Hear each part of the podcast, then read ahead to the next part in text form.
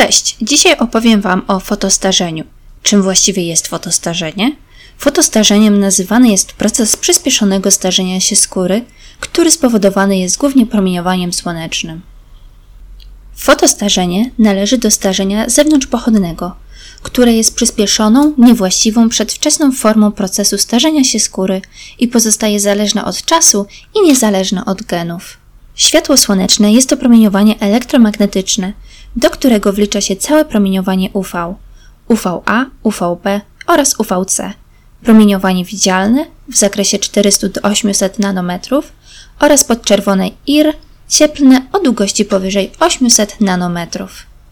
Każde promieniowanie oddziałuje na naszą skórę, a w szczególności promieniowanie ultrafioletowe. Promieniowanie UVA stanowi 95% promieniowania UV, które dociera do powierzchni Ziemi. Nie powoduje ono rumienia, za to przyczynia się do powstawania pigmentacji, opalenizny oraz w tym przebarwień. Powoduje uszkodzenie skóry właściwej, prowadząc do fotostarzenia. Może być przyczyną reakcji alergicznej i nowotworów skóry.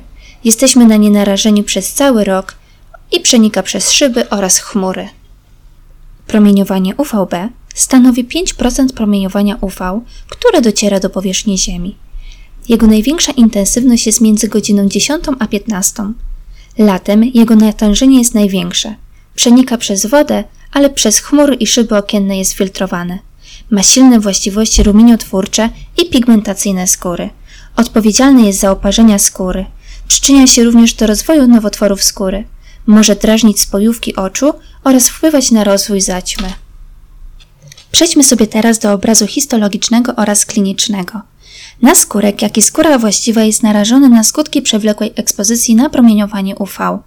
Promieniowanie UV ma głównie wpływ na komórki skóry właściwej, fibroblasty, limfocyty T, komórki śródbłąka naczyń, komórki dendrytyczne, komórki tuczne oraz granulocyty. Promieniowanie UVB głównie wpływa na keratynocyty, komórki Langerhansa i barierę lipidową naskórka. W naskórku dochodzi do degeneracji korneodesmosomów w warstwie rogowej, tworzenie się konglomeratów komórek częściowo oderwanych, czyli złuszczanie rogowacenie, nieprawidłowe keratynocyty wykazujące utratę polarności i atypię komórkową, uszkodzenie DNA komórkowego keratynocytów, pogrubienie warstwy rogowej i ziarnistej, zaburzenia funkcjonowania układu immunologicznego skóry. Promieniowanie uszkadza barierę lipidową naskórka. Powoduje to zmniejszenie ilości ceramidów, steroli oraz kwasów tłuszczowych, co wpływa na suchość i szorstkość skóry. Powstają nowe naczynia, które są niedojrzałe i nieszczelne, przez co ulegają pękaniu. Granica skórno-naskórkowa ulega wygładzeniu, co skutkuje upośledzonym odżywianiem naskórka. W skórze właściwej występują pogrubione, splątane, ziarniste struktury elastyny zaburzenia syntezy fibryliny, białka, które jest odpowiedzialne za prawidłowe usieciowanie włókien sprężystych.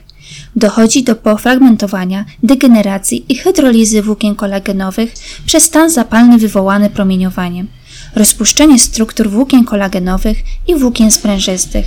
Zmniejsza się również ilość kolagenu, co powoduje powstanie brust i zmarszczek.